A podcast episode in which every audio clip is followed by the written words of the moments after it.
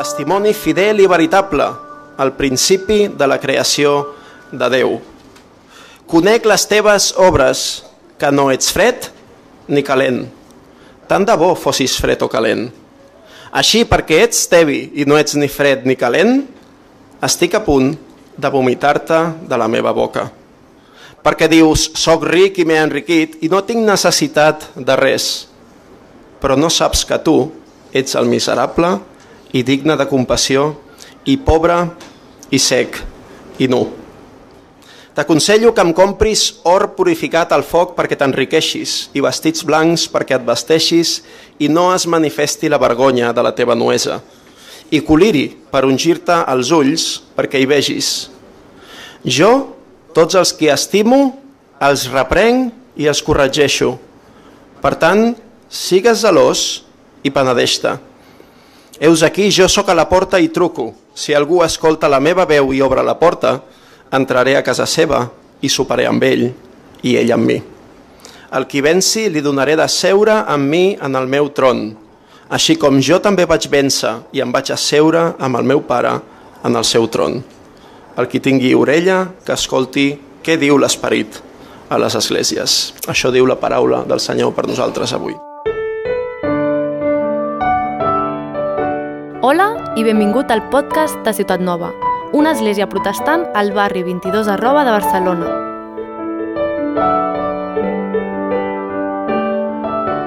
Llavors m'agradaria preguntar-vos, eh, als nens, nenes, grans també, eh, si algú de vosaltres em sabria dir què és l'apocalipsis. No, no patiu, eh? no, ens podem equivocar, Aaron, ens podem equivocar perquè, i jo, jo us ho explico, però la paraula apocalipsis a què us sona? Això, per, això també pels grans, perquè estem al llibre de l'Apocalipsi. I abans de començar, eh, perquè clar, vosaltres esteu aquí amb nosaltres, però ja portem eh, set textos que, en què Jesús parla a set esglésies. Llavors és important saber què és l'Apocalipsis. José Luis, tu sabries, tu, tu et sona què és l'Apocalipsis? A què et sona la paraula? És una, és una paraula una mica rara. A destrucció, bé. És a dir, a mi també, a tothom, destrucció, final dels temps, molt bé, aquesta és la resposta correcta, però resulta que no és la correcta en realitat, vale? perquè fa setmanes vam veure que eh, la paraula apocalipsis, eh, José Luis i la resta, simplement vol dir revelació. Vale? Jo t'explico què vol dir una revelació. La paraula apocalipsis vol dir com descobriment, com revelar, com desemmascarar. Llavors jo et poso un exemple. És com quan al col·le, sí? Ve l'hora del pati, i no sé si porteu bocata. Sí? Porteu bocata? No porteu bocata? I és l'apocalipsi és la revelació, és allò que l'obres i veus de què és el bocata. Llavors jo, jo tinc un amic que sempre feia molt de show. Era un amic que sempre portava dos entrepans, li feia la seva àvia, però dos entrepans, literalment una barra sencera. I perquè entengueu què és l'apocalipsi, aquest noi feia un apocalipsi del seu entrepà, perquè sempre generava una expectació per revelar de què seria el bocata. Llavors l'obria, el descobria i feia un show i tothom ho miràvem pues, ja per mirar-ho, perquè li agradava, de fos del que fos li agradava i se'l menjava sencer. Llavors, um, és quan una cosa queda descoberta, sí? Llavors l'apocalipsi te l'has d'imaginar com una revelació, una cosa queda descoberta. I em perdonareu, m'heu de perdonar, perquè um, un entrepà, mira, com a molt que pots descobrir pues, si és de fuet, si és de pernil, si és de pa amb tomàquet o no, però amb les persones amb les persones hi ha moltíssimes coses a descobrir, sí o no? No pots descobrir només de què és una persona. Hi ha moltíssimes coses que pots descobrir, i en especial amb Jesús. I hi ha tantes coses a descobrir o recordar de Jesús que ell decideix a cada església presentar-se d'una manera diferent. Perquè hi ha moltes coses d'ell mateix. Llavors el que fa Jesús és presentar-se de la manera que més necessita cadascú. Llavors aquí comença la tasca que tinc per vosaltres que és que us imagineu que Jesús ve a casa vostra. I la meva pregunta per vosaltres és, si Jesús ve a casa vostra i us truca a la porta, com hem llegit, com es presentaria ell? Llavors vull que ho anem rumiant, perquè us ho faré dibuixar. Com es presentaria? Diria, hola, sóc Jesús, vale? Aneu pensant, de moment. Llavors, el cas és que quan Jesús es, es presenta, no només es presenta, sinó que a cada església els hi diu una cosa. Encara no, gràcies. Tinc una foto per després, perquè aneu de vacances. I mm, quan Jesús ens diu una cosa, requereix una resposta. És com un metge, també. Quan et diu, mira, et passa això. t'està dient què has de fer per, per remediar-ho. Llavors, um, Jesús, quan es presenta, ho fa d'una manera específica perquè nosaltres tenim necessitat d'això i ens vol fer actuar, ens vol fer avisar. Llavors, ja us dic una cosa, nens i nenes i adults i grans, l'Apocalipsi ens avisa de moltes coses. És per això que alguns parlen de profecia, perquè ens està avisant. Sí? I és un llibre pels despistats. No heu estat aquí moltes setmanes, però no sé si ho sabíeu, però Jesús renya bastant a les esglésies. Però renyar és una cosa dolenta? Renyar és una cosa dolenta? Home, no senta bé. Però és un llibre pels despistats per animar-los i per dir-los eh, espavila't. Vale? Llavors, eh, Jesús va renyar molt a la gent dolenta, però per sort aquests advertiments que trobem aquí, a cada església li diu una cosa, eh, són advertiments o el renya perquè els estima. Vale? I sempre van acompanyats de promeses molt guais. Llavors, així que nens, us ho posarem molt fàcil. Sabeu què fa Jesús aquí? Fa tres coses.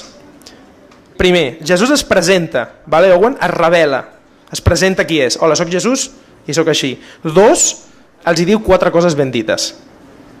M'enteneu què vol dir quan dic que els hi diu quatre coses ben dites? Què vol dir? Que els hi toca el crostó, m'enteneu o no? Que els renya, sí? Llavors, els hi diu quatre coses ben dites i després els fa una invitació preciosa i una promesa. Els hi fa una promesa molt meravellosa. Llavors, primer es presenta, després els hi diu quatre coses i després els hi fa una invitació preciosa. Llavors, en aquest últim, en aquest últim missatge hem llegit la carta que escriu Jesús a l'església de l'Odissea i resulta que eh, és la que els renya més durament. És famosa perquè és la que els renya més durament. De fet, Jesús està tan disgustat que el seu disgust els hi fa dir estic a punt de vomitar-te de la meva boca. I clar, això és fort. Us imagineu que algú o Jesús, quan us veu, quan us veu, li venen ganes de vomitar?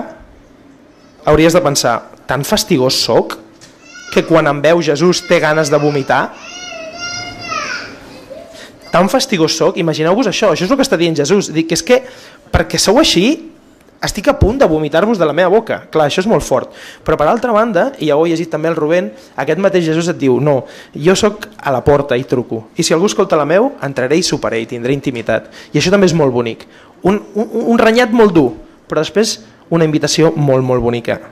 I mm, com sempre nens i grans ens hem de preguntar eh, què m'està ensenyant a mi o què ens està ensenyant a nosaltres com a església aquest passatge. No?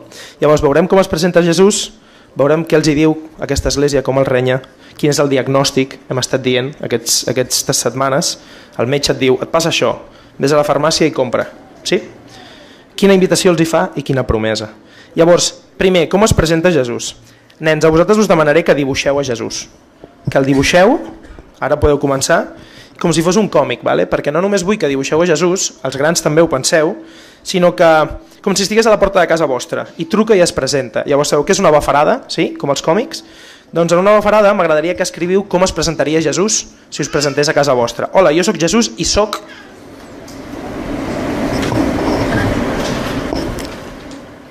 No diré res, ni una pista. No us pot ajudar ningú, eh? Hi ha moltes coses que sabem de Jesús, hi ha moltes coses que saps de Jesús, ja, Peter, moltes coses. Però vull que dibuixeu el que més us impacti a vosaltres, el primer que us passa pel cap, o, o el que més necessiteu recordar, perquè potser hauríeu de dibuixar i escriure el que no recordeu però sabeu que també és així, i pst, oblideu. Um, però això seria també més feina pels grans, pensar què us diria Jesús, com es presentaria. Llavors, després me l'ensenyareu, vale? Um, llavors, si sou persones no com jo, que mentre dibuixeu podeu escoltar, perfecte, perquè jo ara explicaré una mica pels grans com es presenta aquest Jesús. Vale? Llavors, vosaltres heu d'escriure com es presentaria Jesús. En aquesta església, Jesús diu, ja podeu començar a dibuixar, eh? en aquesta església diu, jo sóc la ment, el testimoni fidel i veritable, el principi de la creació de Déu. I Església, fins a aquest punt, en els set missatges, veiem que Jesús normalment s'ha presentat dient qui és, però ha fet especialment èmfasi en el que això provoca. Per exemple, jo sóc el qui té la clau de David, el qui obre i tanca, jo sóc el qui té l'espasa, o jo sóc al principi i al final el qui llavors explica, jo sóc així i per tant, sí? mira, hola, bon dia, jo sóc el, el traumatòleg, el que tracta amb els mals de genoll si vas a jugar a futbol. Sí, jo sóc el otorrinolaringòlogo, el que si tens un problema amb la... si tens eh, amigdalitis o tens unes angines de cavall, doncs a mi. Avui no. Resulta que a l'església dels de l'Odissea els títols són més que suficients. Jo sóc la ment, el testimoni fidel i el principi de la creació de Déu. Tres coses. I Jesús s'anomena a si mateix la ment. I avui dia, amén, no vol dir gaire més que el punt i final d'una oració, d'una pregària. Eh, alguns de vosaltres sabeu que quan diem amén estem dient que així sigui. Sí? Llavors, Església, no sé si sou conscients que quan, alguna, quan algun germà o germana prega i tu dius amén, el que estàs fent és validar el que acaba de dir. Ho enteneu? Tu estàs dient que així sigui. Estàs dient que això vols que, que sigui validat. En el pensament hebreu, dir amén és una manera de reconèixer que alguna cosa és vàlida i vinculant. Vincula la meva consciència. Amén a esto. Llavors, quan algú diu alguna cosa, no? Amén! Sí? Això és vinculant. Es fa servir, de fet, a Isaías dos vegades, on el propi, però el propi Déu es diu el Déu de la ment. Jesús diu que ell és la ment, és el fonament totalment fiable de la vida. Està dient, no, no, jo sóc vinculant, jo sóc el fonament de tot. La meva paraula és vàlida. Sí? És com t'està dient, no, no, és que jo sóc lo autèntic, el que ha de passar, com la ment al final d'una oració. Però Jesús també diu que és el testimoni fidel i veritable. Um, que diguis que ets el testimoni fidel i veritable estàs dient que ets el representant perfecte, que no ets una còpia o no dius, uf, és que no és gaire bon ambaixador aquest Jesús de Déu. No, no, és que està dient que és que Jesús és el propi Déu. Llavors, ell és exactament cert perquè representa exactament a Déu. De fet, ell és el representant perfecte, ell és Déu. Però aquí ve lo fort, i és que Jesús diu que és el principi de la creació de Déu. I la paraula per principi és aquesta mateixa d'alfa i omega, jo sóc el principi i el final, que és una paraula grega que és arque, igual que arquetipo, arque. I això és fort perquè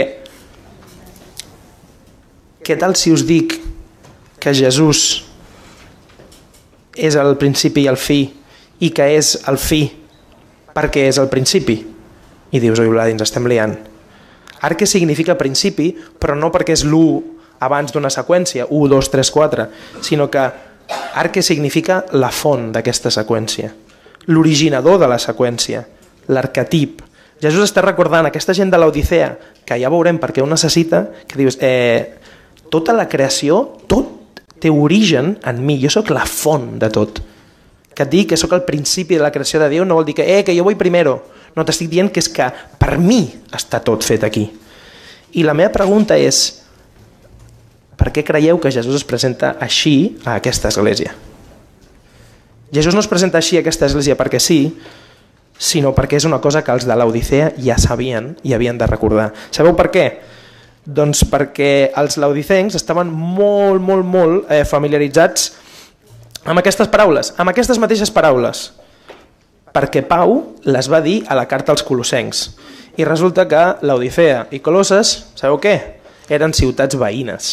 Eren ciutats veïnes i, de fet, i això és una cosa molt important, L'Odissea és una de les que a l'Àsia Menor es deia una de les tres ciutats germanes. Vale? Per què? Doncs perquè estaven en una rica vall, la vall nodrida pel riu Lico. I us dic això perquè hi havia Hieràpolis, que estava a unes 6 milles, hi havia Colosses, que estava més amunt del riu, i a l'altra banda del riu oposada estava l'Odissea. Llavors això vull que ho tingueu present. Aquestes tres ciutats estaven molt connectades. I quan Pau va escriure la carta als colossencs, sabeu què els hi va dir? Els hi va dir, ei, jo pateixo per vosaltres i pels de l'Odissea, i els hi va dir, aquesta carta que us escric a vosaltres, porfa, llegiu-li als vostres veïns, i la que els he escrit als vostres veïns, porfa, llegiu-los als de, als de l'Odissea. Vale? Llavors aquestes cartes havien rolat, s'havien llegit en veu alta.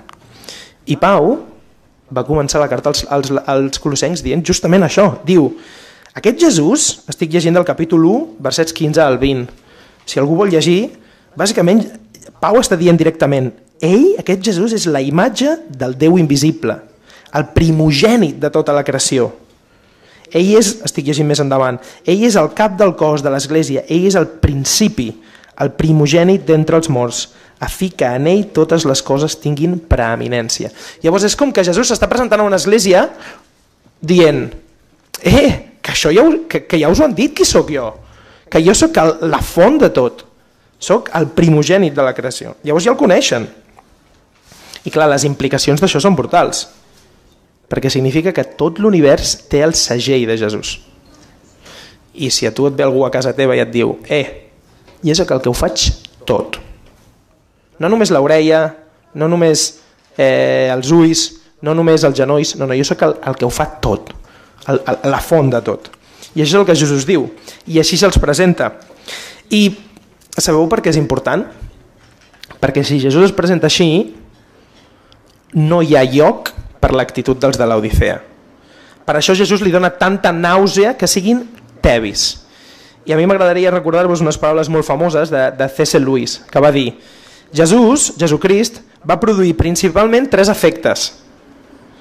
Odi, terror o una adoració profunda. No hi havia ni rastre, quan ell va viure a la Terra, de gent que expressés una lleu aprovació. No hi havia ni rastre d'algú que digués lleu aprovació. No hi ha lloc per la taviesa amb aquest Jesús. Llavors, um, nens i grans, ara veurem el que diu aquest Jesús després de presentar-se. Hola, jo sóc Jesús i sóc al principi de tot, sóc la ment. I ara què els hi diu aquesta església? Anem a parlar una mica de la taviesa. Una lleugera aprovació. Aquesta és la condició que va plegar l'església de l'Odissea. No és la condició que ens plaga nosaltres avui? Una lleugera aprovació de Jesús? Sí, bé. O fins i tot persones que diuen, sí, bueno, un bon filòsof, sí, un bon líder. La nostra aprovació suau i tèbia del que és la ment al principi de tot, doncs l'església és molt seriós. Això feia fàstic a Jesús. Això li feia fàstic a Jesús. Conec les teves obres, que no, soc, que no ets ni fred ni calent, ha llegit el, el Rubén. Tant de bo fossis fred i calent, o calent. Així, perquè ets tebi i no ets ni fred ni calent, estic a punt de vomitar-te de la meva boca. I per entendre el que diu Jesús a aquesta gent i al, al llarg del nostre reconegut, gràcies a Déu, hem arribat a esperar que el fet de la vida de les ciutats ens il·luminin aquestes paraules i les imatges que trobem en aquest llibre. I a vegades l'Apocalipsi espanta, nens i nenes. Quan sentiu Apocalipsi sabeu per què parleu de destrucció? José Luis, perquè resulta que moltes vegades a l'Apocalipsi hi ha coses rares del final dels temps, però sempre tenen un context i sempre tenen una explicació. Llavors, per sort, gràcies a Déu, tenim molts llibres. Jo us recomano un que es diu Discipleship on the Edge, ja us ho vaig dir. Si llegiu en anglès, no sé si està en castellà, eh, GG. Doncs és, és, és molt bo. Ja, ja us passaré el link. Perquè Jesús utilitza unes paraules perquè la gent d'aquesta església les podia entendre, no perquè sí. Llavors anem a parlar una mica d'aquesta l'Odissea, aquesta ciutat. Jesús els diu que són tebis i que els vomitarà. I sabeu per què és això? Doncs de la mateixa manera que tu li dius a algú de Sant Boi, no sé els que sou locals, què els hi dius a un de Sant Boi? Sí o no? Perquè a Sant Boi, família, hi ha un hospital psiquiàtric. És a dir, hi ha un manicomi. Llavors, si alguna vegada sentiu que algun de Sant Boi està boig, no? Si ets d'aquí ho saps. O els de Mataró, doncs un cap gros. Sí o no? És així. Llavors, les paraules de Jesús venen del fet, Església, que l'Odissea no tenia una font natural d'aigua ni local. Llavors, recordeu que hem parlat de Colosses i de Hieràpolis? Doncs és molt senzill. Colosses era famosa perquè resulta que tenia un manantial d'aigua fresca i els de l'Odissea no en tenien i havien de fer un aquaducte de pedra per portar l'aigua des de Colosses a la seva ciutat. Llavors, si tu portes un aquaducte dels seus veïns de Colosses, quan l'aigua arribava a la ciutat ja no era fresca, sinó que era insípida. Però més encara, les paraules de Jesús volen referir-se sobretot a un altre fet de la vida de l'Odissea, i és que també per causa dels seus veïns, a l'altra banda del riu, Església, a poques milles de distància hi havia Hieràpolis, i Hieràpolis era el lloc on tenia un dels seus banys Cleopatra, bueno, li diuen els banys de Cleopatra, però el fet és que era famosa per les seves fonts termals, església. Era famosa per les seves fonts termals, l'aigua de les quals fluïa vessant-se sobre un penya segat a prop de l'Olicea. I resulta que els comentaristes de l'època diuen el penya-segat tenia uns 300 peus d'alçada i al voltant d'una milla d'amplada, i diu, cobert d'una incrustació blanca de carbonat de calci formava un fenomen natural espectacular. I ara, eh, Benji, si pots, us poseu una foto d'alguns de vosaltres que segur que heu vist moltes vegades. Us sona això? Us sona la gent que va a Turquia de vacances? A unes piscines naturals, blanques, a banyar-se termals. Hi ha moltes fotos així. Això està a l'Odissea, això està a pocs metres de l'Odissea, a 5 minuts en cotxe. Llavors, aquí ha una foto de les piscines naturals de Pamukkale. Si algú s'ho vol apuntar per anar de vacances i, té una, i vol una excusa bíblica per anar-hi, doncs ja teniu, Turquia. Sí? Alguns també per posar-se cabell. Vale? Llavors, aquesta foto, eh, de, de, nens, vull fer una pregunta als nens. Um, aniríeu de vacances aquí? Imagineu-vos que això són piscines d'aigua calenteta, cristal·lina. Home, jo sí que aniria. I us hi banyaríeu? Sí, no? Són aigües termals. Surten calentes de la terra, naturalment, eh? Sí? Passa que ara ja és paisatge natural i hi ha un mogollon de fotos del 70 tothom banyant-se, però ara ja sembla que solo verd. Sí? Um, us faig una segona pregunta a tots. Vosaltres us la veuríeu, aquesta aigua? No? Per què? Perquè si és natural i surt de la terra pot tenir, pot tenir contaminació. Pot tenir contaminació i tot això blanc que veus és cal, eh? Sí, possiblement sofre. Potser fa olor, una mica d'olor a ous, saps? Llavors, um, de la mateixa manera que quan tu vas a la piscina municipal i la dels petits està molt calenteta, aquella no te la veuries, no direm per què aquí, sí? Um, ara imagineu-vos que aquesta aigua termal, sí? José Luis, imagina't que aquesta aigua termal ara va baixant, va caient, sí? I un cop havia fet la seva funció, recorria la vall fins que arribava, saps a on? A l'Odissea. I ara com estava aquesta aigua? Estava calenta? No, ara ja estava tèbia. Ara ja estava tèbia i pútrida. Ara ja estava tèbia i feia olor. No només havia quedat tèbia, sinó que segurament tenia un sabor molt desagradable, nauseabunda, amb el sabor de calç o de sofre. Llavors es diu que els viatgers, quan passaven per l'Odissea i no sabien que venia aquesta aigua de Hieràpolis, anaven al riu i feien un glob d'aigua, per automàticament escopir-la sobre la roca. I es diu en alguns casos, les persones, aquella aigua tèbia amb mal sabor els provocava el vòmit. Les paraules de Jesús, que no ets ni fred ni calent, evidentment i molt probablement estan jutgerides pel fet que els de l'Odissea sabien que eren una ciutat rica però que del meu riu no puc beure aigua perquè està tèbia i fa pudor.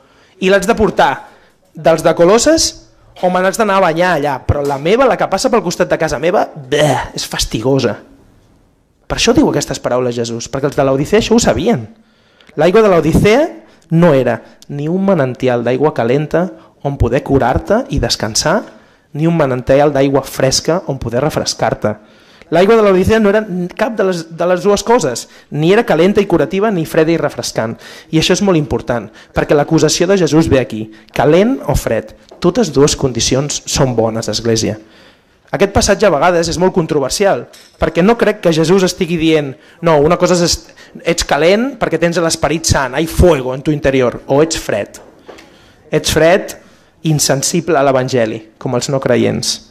I clar, aquest passatge crea controvèrsia, perquè la gent interpreta que Jesús preferiria que el rebutgessis a que siguis tebi. No ho heu sentit mai, això? Que Jesús preferiria que el rebutgessis a que siguis tebi algun predicador diu aquí Jesús està dient una cosa que cap predicador s'atreviria a dir si el Senyor no ho hagués dit primer. I és que els ateus i pagans freds com el gel són preferibles per a ell que els cristians tevis doncs això pot tenir un sentit però no estic d'acord amb que això sigui el que Jesús diu aquí. No estic d'acord perquè sí, Església, Jesús troba nauseabuns, li fan fàstic als cristians tevis, però el punt de calent o fred està conformat per aquestes dues realitats geogràfiques, per les seves ciutats veïnes. Hieràpolis tenia aigua calenta i curativa, la gent anava a banyar-se, com tu vas a l'espa, si pots. I Colossos tenia aigua fresca i refrescant. L'Odissea no tenia cap de les dues. Aquest és el problema. La meva pregunta és, nosaltres com a església com som? Estem sent curatius estem sent un lloc de, de, de calma o estem sent refrescants per una societat sedienta? El punt nauseabund per a Jesús és que l'església de l'Odissea no estava ni proveint refresc pels espiritualment assedegats ni sanació pels cansats. Jesús va dir, ah, veniu a mi tots els que esteu cansats i afeixuats i jo us faré descansar. Aquesta església era totalment ineficaç per tant, era desagradable el seu senyor, perquè no tenia fruit. Això és molt simple, però és molt greu, Església. Conec les teves obres que no ets ni fred ni calent, i perquè no ets ni fred ni calent ni ets tevi, et vomitaré de la meva boca. És una església inútil. Um, no sé com vaig de temps, però m'agradaria llegir-vos un trosset d'una carta que va escriure Martin Luther King quan estava a una presó de Birmingham, Birmingham als Estats Units. Estava empresonat i va escriure una, una carta. Em deixeu que us llegeixi un trosset? Sí? Nens, això és uh, un pastor afroamericà molt, molt, molt conegut que a la presó va dir hi va haver un temps en què l'església era molt poderosa. Va ser durant aquest període que els primers cristians es van alegrar quan es van considerar dignes de patir pel que creien. Allà on els primers cristians entraven a una ciutat, l'estructura de poder es va alterar. I continua així més endavant. Diu, estaven massa intoxicats per Déu com per ser intimidats per ningú. Van posar fi a mals tan antics com eh, l'infanticidi i la competició dels gladiadors. Ara les coses són diferents. L'església contemporània és sovint una veu feble i ineficaç, amb un so una mica incert. Lluny de ser pertorbadora per la presència a l'església, l'estructura de poder de la comunitat es consola per l'ascensió una mica sovint tèbia. Però el judici de Déu és sobre l'església com mai abans. Si l'església d'avui no recupera l'esperit sacrificial de l'església primitiva, perdrà el seu autèntic anell, la lleialtat de milions i serà descartada com un club social irrellevant, sense sentit pel segle XX. Ja estem al XXI. Cada dia em trobo amb joves, i aquesta és la paraula forta que Martin Luther King, la decepció dels quals amb l'Església s'ha convertit en un gran fàstic. Eh, Església, vols saber si ets tevi? Escolta aquesta història que tothom ha escoltat sempre. Explica la història que havia un, un, un conferencial molt incrèdul i, i molt convençut que es va dirigir als cristians i els hi va dir mira, és que jo si, si jo cregués un conferenciant en una conferència dirigint-se a creients si jo cregués el que alguns de vosaltres creieu no descansaria ni de dia ni de nit explicant-ho als altres. I crec que hauria de fer una llista. Nens, vosaltres això també ho, ho sabeu, crec si aquest home diu que si ell creiés no descansaria ni dia ni nit d'explicar-ho als altres, Església, nosaltres sabem, hem escoltat la notícia més gran i inimaginable. M'aixequeu mitjanament la mà si això ho sabíeu. Sabem el que va passar el primer Nadal? Sabem que la vida de Jesús de Nazaret i el regne de Déu van arribar a aquest món? Sabem que Jesús és la llei de Déu com un sacrifici prenent el pecat de tot el món? Sabem que a la creu Jesús va assumir tot el càstig del pecat que el món justament mereix, el teu pecat i el meu, ho sabem? Sabeu el que va passar? Sabem el que va passar tres dies després, al matí de Pasqua? Que els poders del mal havien sigut derrotats? Ho sabem que la tomba estava buida? Ho sabem que aquell matí de diumenge va ser el primer matí d'una nova creació? Sabem què va passar després, el diumenge de Pentecosta? Sabem que aquell dia el Senyor ressuscitat va enviar el seu esperit per tu, per tu, per tu, per tu i per mi? Omplint els seus seguidors amb la seva mateixa vida, una vida que no s'acaba mai? Sabem que aquell dia Jesús va prometre rius d'aigua viva, ara disponibles per qualsevol de tu, de vosaltres i mi? I sabem finalment que Jesús qualsevol dia tornarà i ens portarà a tots a la seva nova ciutat? Església, sabem tot això i molt més. Llavors jo crec que és una notícia que val la pena cridar als cims de les muntanyes. Llavors ara ve la pregunta, per què som tevis? Per què sóc tevi? Què causa aquesta condició nauseabunda? Perquè veiem que això dels laodicencs és força típic no? El Rubén ja ho ha llegit. Aquesta gent deia que diuen de si mateixos que som rics i que no tenim necessitat de res. Havien desenvolupat una forma de cristianisme, a veure si us sona, eh? Havien desenvolupat una forma de cristianisme que els permetia viure una relació amb Jesús a l'àmbit privat, religiós, i després viure els valors i prioritats de Roma en l'àmbit secular. Una vida cristiana, però quan surto d'aquesta porta, hasta el domingo que viene. Com tu i jo a Barcelona. I aquest és el diagnòstic, i Jesús els acusa. Perquè dius, soc ric i m'he enriquit, i no tinc necessitat de res, però tu ets el miserable i digne de compassió i pobre i sec i nu. Llavors, nens, torno a vosaltres. No sé com van els vostres dibuixos. En principi, ara hauríeu de tenir un dibuix, més o menys, en què Jesús apareix a casa vostra i es presenta. No passa res si no el tens. Però clar, um, què passa si Jesús ve a casa teva i el primer que et diu és que ets un pobre, un sec i que ets un despullat? És que això és el que fa.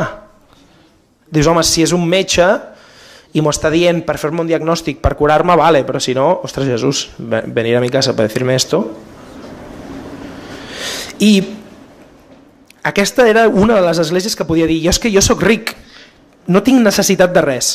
I ja ho ha dit el Rubén, quin gran perill que algú de nosaltres digui no tinc necessitat de res. Església, de la mateixa manera que l'aigua que passava per l'Odissea era tèbia, i vomitiva, l'Odissea era una ciutat rica i era famosa per tres coses. L'Odissea tenia molts bancs, eren molt solvents, és que eren rics, és que eren molt rics. Es diu que l'any 60 un terratrèmol va arrasar eh, l'Odissea, també Filadèlfia, també Sardis, i Roma els hi va oferir diners per reconstruir la ciutat i els van dir jo sol no tinc necessitat de res. I amb els seus diners van reconstruir la ciutat. No tinc necessitat de res. Però és que en segon lloc, Església, sabeu per què era famosa l'Odissea? Perquè tenia i exportava a tot el món una de les millors llanes de l'imperi romà. Tenien unes ovelles que feien una llana i uns vestits famosos arreu del món. No tinc necessitat de res. I sabeu per què era famosa en últim terme? Per la seva escola de medicina, L'Odissea era famosa per un coliri pels ulls. L'Odissea era famosa per un ungüent que deien curava moltes malalties oculars. Un bàlsam pels ulls. No tinc necessitat de res. Què els hi diu Jesús? Teniu bancs, teniu la millor llana de l'Àsia i teniu un coliri pels ulls. Doncs et dic que ets pobre, et dic que estàs despullat i que ets sec. Per què et dic aquestes tres coses? perquè és el que creus que no necessites. Riquesa, roba i coliri pels ulls. Ho tenien tot. I Jesús els diu, però tu no saps que ets el miserable i digne de compassió i sec i nu.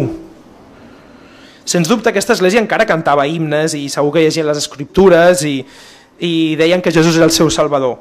Però malgrat totes les paraules es creien que eren autosuficients. I aquesta paraula aquesta paraula és molt perillosa es creien autosuficients. Com nosaltres, els cosmopolites del segle XXI, els europeus del primer món, com tu i jo a Barcelona. I la tragèdia de tot això és que aquests cristians presumien de la seva condició. No ho veien com una cosa dolenta, deien jo sóc ric, dius, Jesús diu, dius que sóc ric i m'he enriquit i no tinc necessitat de res. L'Església es creia espiritualment autosuficient i sense la necessitat de Crist. Imagineu-vos això, eh? Ets algú el qui t'han rescatat, però un cop t'han rescatat, ja està, sigui, ja no, ja no necessito. Potser diràs, home, això és bèstia, jo no ho diria mai, que no necessito més a Jesús.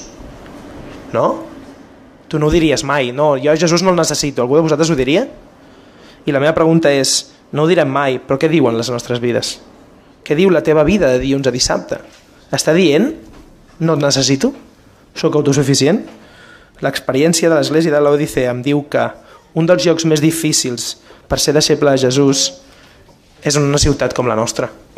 És en una ciutat pròspera. És en el primer món, com tu i jo a Barcelona o a Sant Cugat.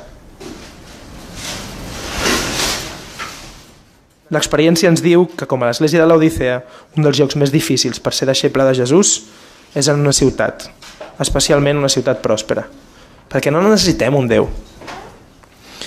I torno a vosaltres, nens. Um, com van els dibuixos? Si heu fet una bafarada en què Jesús us diu Hola, sóc Jesús, ara m'agradaria que escriviu què us diria. Quan us veiés, comptant que us coneix perfectament. Què us diria Jesús? Ho podeu escriure encara que no sigui una bafarada. Jo sé que és difícil, eh? Si a mi m'ho demanessin, estaria més perdut. Sí? Què us diria Jesús? Creieu que us diria que sou pobres, que esteu secs i que esteu despullats? Uf, és molt dur això. És difícil ser deixeble de Jesús en una ciutat, especialment pròspera. Però et dic una cosa, segur que Jesús no els diria això a gent pobra, a gent que té necessitat per, per vestir-se. I sincerament, Església, no són tebis, eh, els nostres germans de Corea del Nord, que són perseguits per la seva fe, aquests no són tebis, eh? Ni els dels països àrabs, aquests no són tebis, eh? Per això Jesús es mostra tan contundent amb el seu missatge, perquè li diu, és que no saps, és que les paraules diu, estic al verset 17, diu, és que no saps, no ets conscient, Església, no ets conscient, l'Odissea, de que ets tu el miserable i el digne de compassió i pobre i sec i nu. No sabeu. I aquí una alerta per nosaltres. Senyor, ajuda'ns. La naturalesa de la tibiesa, sabeu quina és? No adonar-te'n que ets tebi. Perquè tot va bé. Llavors aquest és el perill de la tibiesa. Però és que Jesús els parla sense embut, sabeu per què? Per despertar-los, per trencar-los aquesta il·lusió. Les paraules són severes, però no són enfadades, sinó que mostren compassió de Jesús.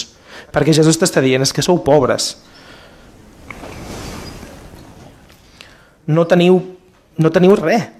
Podeu tenir or a la caixa forta, però esteu arruïnats sense les coses de l'esperit. Ric en coses, però pobres espiritualment.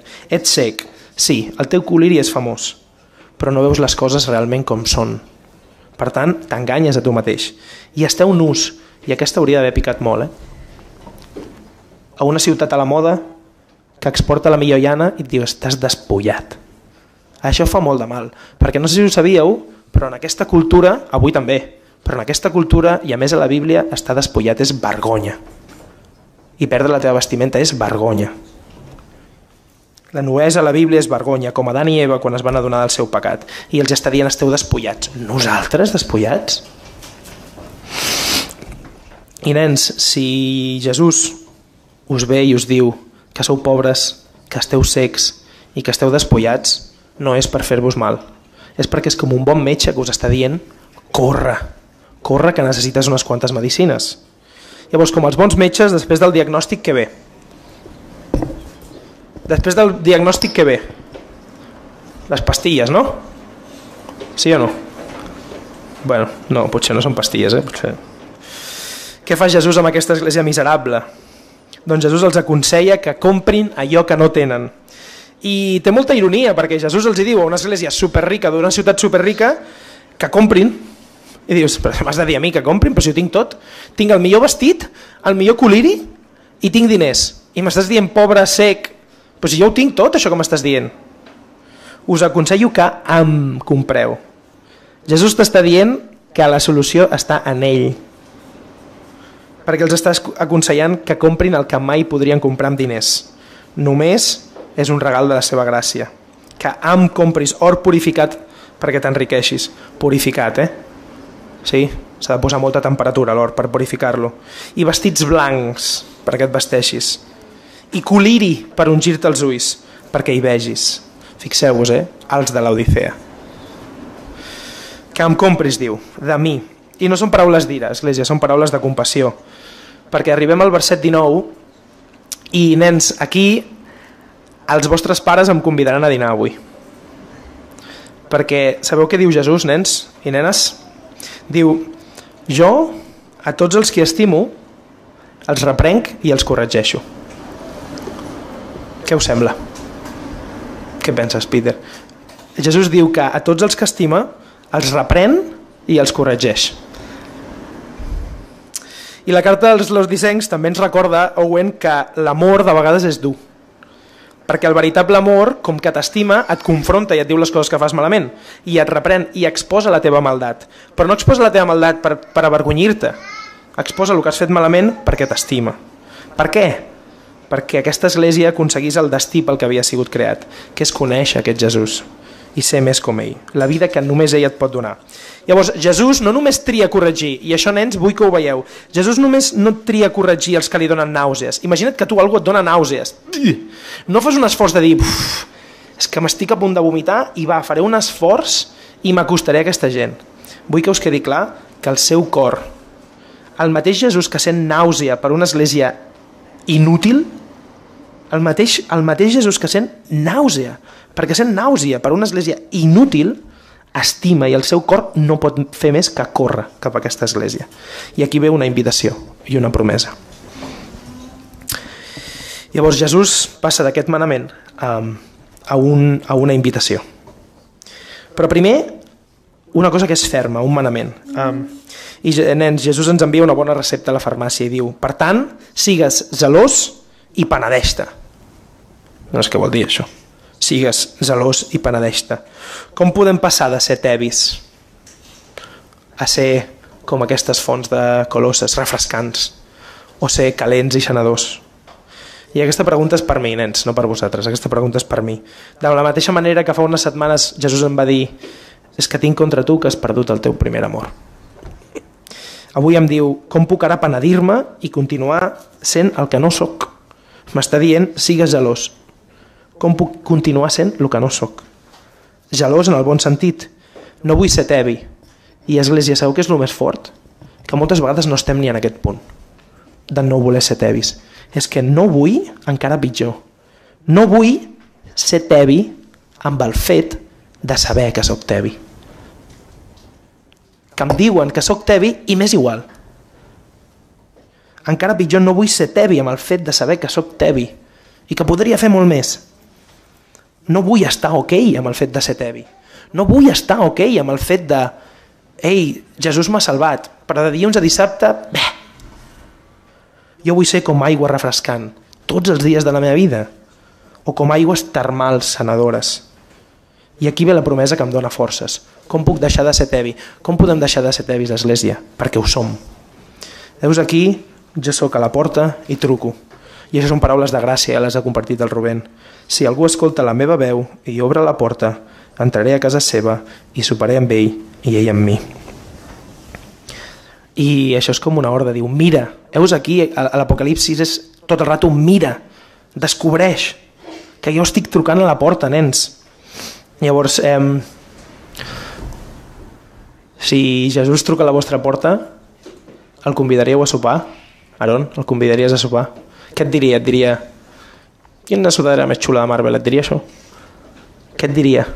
Perquè segurament si t'estima, igual que els teus pares, et diria alguna cosa que potser no t'agrada sentir. Però ell t'està dient, no, però jo vull sopar amb tu. Jo vull estar amb tu, tenir intimitat amb tu. I m'agradaria, eh, Benji, si pots, no sé si està per aquí, o pots posar la segona foto. És una pintura molt famosa d'aquest passatge. Vale? A veure si n'hi ha una altra. Ih, no es veu gaire, però... Bueno, Sí, no, si no es veu, no, no es veu. Això és una, una, una pintura que es diu Light of the World de Holman Hunt. Llavors, aquesta Jo estic a la porta i truco eh, és un passatge molt famós. I suposo que esteu familiaritzats alguns en què això es diu molt com un verset. Això és Jesús, està trucant a una porta que està aquí. Però no es veu la porta, no passa res. Eh, Deixa-la, sisplau. El cas és que normalment aquestes paraules de jo estic a la porta i truco s'utilitzen per evangelitzar, s'utilitzen per persones que no són creients, oi? Sí? I, I crec que són paraules apropiades per ajudar algú a que dongui un pas per obrir a Jesús a la seva vida. Però aquestes paraules Jesús les diu a una església, les diu a persones creients, o almenys que són creients, eren creients, però han deixat a Jesús a fora. Algunes predicacions diuen l'església, l'Odissea, L'església amb Jesús a fora. L'església amb Jesús a la porta. I la nostra tebió es deu fonamentalment a un fet que solem desconèixer, que hem exclòs a Jesús de la nostra vida. Com puc deixar de ser tevi? Eh, doncs, Església, per pura gràcia, ella es manté. Ella es manté a la porta i truca i espera. I jo us volia fer la pregunta a vosaltres, nens, que si em podíeu dir, però no es veu gaire bé, per què creieu que és famosa aquesta pintura? I ara m'agradaria que, no sé si algú ha dibuixat, que m'ensenyeu les vostres. A veure si les puc veure. Les podeu ensenyar? Vale, una porta, vale, està oberta, Aaron. Bona, està oberta aquesta porta. Camp de futbol, Uep. Uep.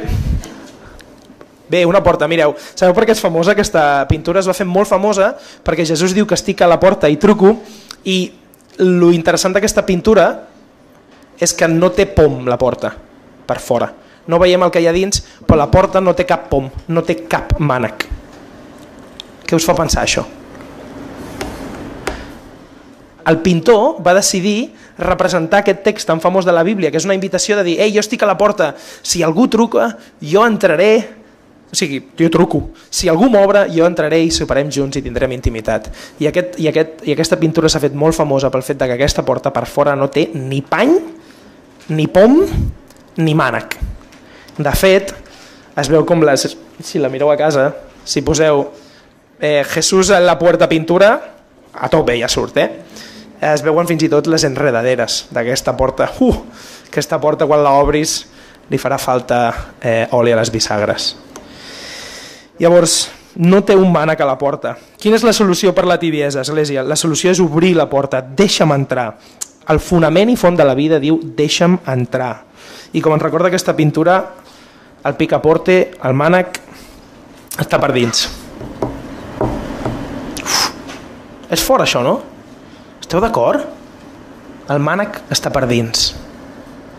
Uf, no seria millor que, que, que Jesús entrés com suat i pa, i fotés una patada i la rebenti, vingui i entri? Perquè la majoria de vegades truca i espera. I Església, um, haig de reconèixer que els últims anys, eh, aquí a l'Església, i coneixent les vides de les persones i la meva vida, a vegades preferiria que Jesús entrés a patades, perquè el necessitem. I a vegades jo demano, Jesús, fes un miracle en mi, fes un miracle en aquesta persona que tant en necessita. No pots entrar i rebentar la porta? És molt fort el que dic, però Jesús la gran majoria de vegades truca i espera. Si escoltes avui i saps que Jesús és a la porta i t'està trucant pacientment, no facis veure que no hi ets. Quantes vegades a casa meva aquesta setmana he pensat no sé si ho heu fet vosaltres, una confessió, quantes vegades a casa meva he estat a dins i han trucat al timbre i jo he fet veure que no hi sóc. Qui és a aquestes hores? No és ningú dels meus amics ni la meva família? No et penso obrir. Quantes vegades m'han trucat a la porta i he fet veure que no hi sóc? Església, si ets tevi i ara saps, i ja ho sabies abans de venir avui, que Jesús està a la porta i t'està trucant, no facis veure que no hi ets. Et fa una promesa meravellosa, ho ha dit el Rubén. Entraré i menjaré amb vosaltres i amb mi. És una manera a l'Orient Mitjà de dir, vull fer un pacte amb tu per ser per compartir amb tu tot el que sóc. Aquestes paraules s'assemblen al càntic dels càntics, on l'enamorada diu la veu del meu estimat truca a la porta, obre'm, estimada meva. Està parlant d'una intimitat. No sé si us sembla estrany que després l'Apocalipsis es passi capítols parlant de com l'esposa de l'anyell és casada amb aquest anyell i l'Església som nosaltres que necessitem aquesta intimitat amb el novi, amb el nuvi que s'ha sacrificat per nosaltres. Feliços aquells, diu capítol 19, els que han estat cridats al sopar de noces de l'anyell. I si algú escolta veu i obre la porta, entraré a casa seva i soparé amb ell i ell amb mi. Obre-li la porta a Jesús. Nens, si Jesús és a la porta, vol sopar amb vosaltres, vol transformar la vostra vida. Però és que a més hi ha una promesa més gran, que és que a més de sopar amb tu, José Luis, Jesús diu, el qui venci, li donaré el dret de seure's amb mi en el meu tron. I el tron saps per què és seu? Tu en el tron de Jesús. Tela, eh? Però és que a més, ell ho pot fer perquè ell ha vençut, perquè aquest tron se l'ha guanyat, morint per tu i per mi, agafant el que tu i jo mereixíem. Llavors, Església, tu que m'escoltes, nens i nenes, Jesús t'està convidant quan et diu deixa'm entrar. I per acabar, Um, potser mai has girat el pom de la porta. Potser saps que estàs espiritualment pelat, nu i sec. ens estàs escoltant, estàs llegint això o escoltant-ho des de casa, o estàs aquí assegut i saps que estàs espiritualment pelat, no tens ni un duro, espiritualment, estàs nu i estàs sec. Doncs sabeu què? Beneït siguis. Beneït siguis. Perquè bienaventurados los pobres en espíritu, porque de ellos es el reino de los cielos. Saps que necessites allò que Jesús ofereix. Obre la porta i ell entrarà. Ja està. O potser has obert la porta fa temps, Església. Potser has obert la porta fa temps. Però per la raó que sigui, eh, Jesús l'has deixat a la porta. L'has fet fora lenta, però segurament. Per això la teva vida és tan buida i tan rància i et sents tan pobre, sec i brut. O bruta. Dóna-li la benvinguda de nou. Torna a girar el pom. Ell tornarà a entrar amb tu. O potser has obert la porta principal de la casa, però eh, l'has deixat entrar només al rebador. Queda't aquí. Perquè les altres portes, les altres portes de casa teva no s'han obert, eh? I això segurament ho heu sentit moltes vegades. Ella està a la porta i truca. Sí, sí, l'has deixat entrar, però te l'has de, deixat al rebador, eh? Ella es para davant de cadascuna d'elles i truca. Església, Jesús vol la teva vida sencera. No estarà satisfet fins que tingui accés a totes les habitacions. Però és que això no és un, un Jesús gelós, és que tu tampoc estaràs satisfet fins que no el deixis entrar a tota la teva casa. Perquè totes les habitacions el necessiten. Totes les àrees de la teva vida el necessiten. I estan fetes per ell. Només ell pot fer que totes les habitacions siguin el que estan destinades a ser. Llavors, Jesús es mou per casa teva trucant a totes les portes. Tu li obriràs? Deixa-la entrar a l'oficina, església, que sigui la ment i l'arque en el teu lloc de treball. Deixa-la entrar a aquella habitació que es diu família. Deixa-la entrar a aquella habitació que es diu sexualitat. Deixa-la entrar a l'habitació anomenada diners. Ui!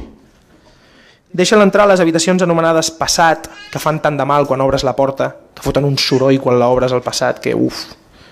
Deixa que entri a l'habitació anomenada futur, que a vegades tant carrega i tant preocupa, que fa por, que està a les fosques. L'habitació del futur està a les fosques. Deixa-la entrar. Deixa-li a l'ell les habitacions anomenades somnis, les habitacions anomenades pors, deixa'l passar i transformar les habitacions anomenades ira, depressió, ferida, ràbia. Només hi ha un remei per la buidor eh, i per la tabió aquesta que fa vomitar, que és tornar a deixar entrar Jesús fins que entri a fons de casa teva. Que impregni el teu cor. Llavors, obre la porta aquest Jesús que et diu mira, jo estic a la porta i estic trucant. La meva pregunta per vosaltres, nens, és ho faràs ara mateix? Giraràs la maneta i el deixaràs entrar? Llavors m'agradaria que compartíeu amb els vostres pares, amb qui sigui a l'església. Què us ha dit Jesús? Com veieu aquest Jesús? I que parleu d'això a casa. Jesús t'està trucant i vol entrar amb tu i ser amb tu tota la resta de la teva vida. I el capítol acaba. El qui tingui orella, que escolti el que l'Esperit diu a les esglésies. Gràcies per escoltar aquesta predicació. Si tens preguntes respecte al seu contingut o vols tenir una conversa sobre l'Evangeli, no dubtis en contactar-nos. El nostre correu electrònic és info arroba cn22.org.